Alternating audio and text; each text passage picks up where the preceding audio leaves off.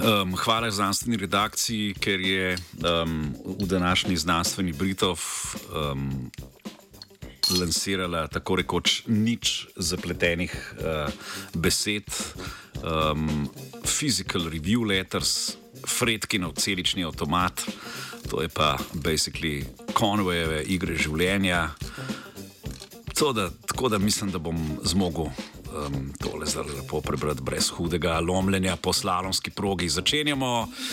Torej, znanstveni Britov, ki danes nosi naslov, ki smo že glih govorili o manj več, ne? velika bremena malih avtomatov.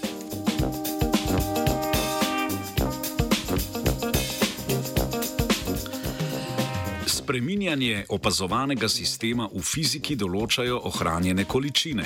Ameriška raziskovalna skupina je preiskovala ohranitvene zakone v posebnem sistemu, ki so ga poimenovali Fredkinov celični avtomat.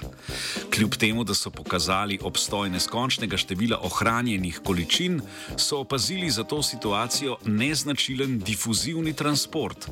Rezultate so objavili v reviji Physical Review Letters.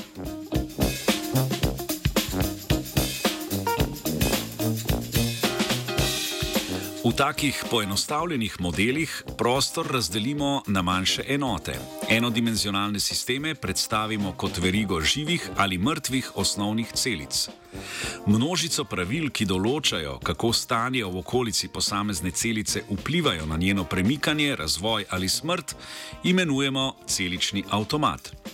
Za model si je ameriška raziskovalna skupina izbrala enodimenzionalno različico Conwayjeve igre življenja. Uporabljeni celični avtomat deluje na množici štirih zaporednih celic, tako da med seboj zamenja notranji dve, če zaporedje njihovih stanj ustreza kinetični vezi. Ta celicam omejuje gibanje v eni smeri vzdolž verige. Dobljeni model so poimenovali Fredkinov avtomat.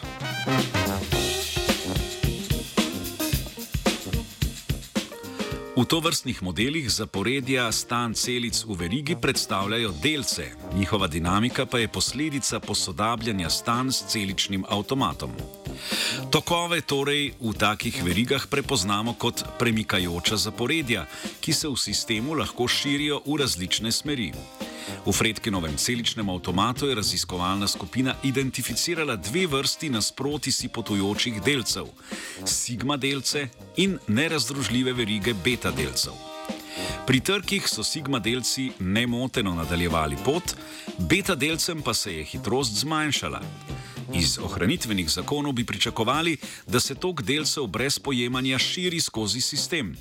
V numerični simulaciji pa so namesto tega odkrili, da tokovi med širjenjem po sistemu pojenjajo, kar ustreza difuzivnemu transportu.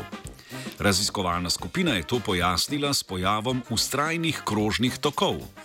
Tako, tako nepričakovano vedenje Fredkinovega avtomata je mogoče zaradi ohranjene količine števila sigma delcev tudi na krajših odsekih verige.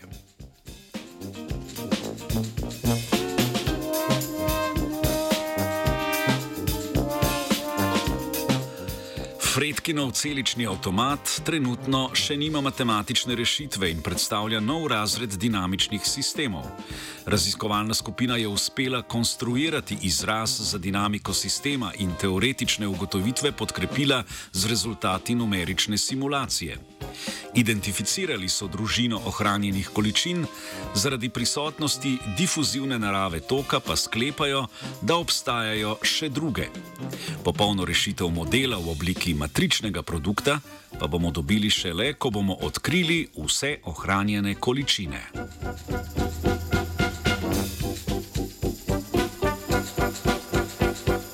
Veliko količino kave iz avtomata je spila tudi vajenka Liza.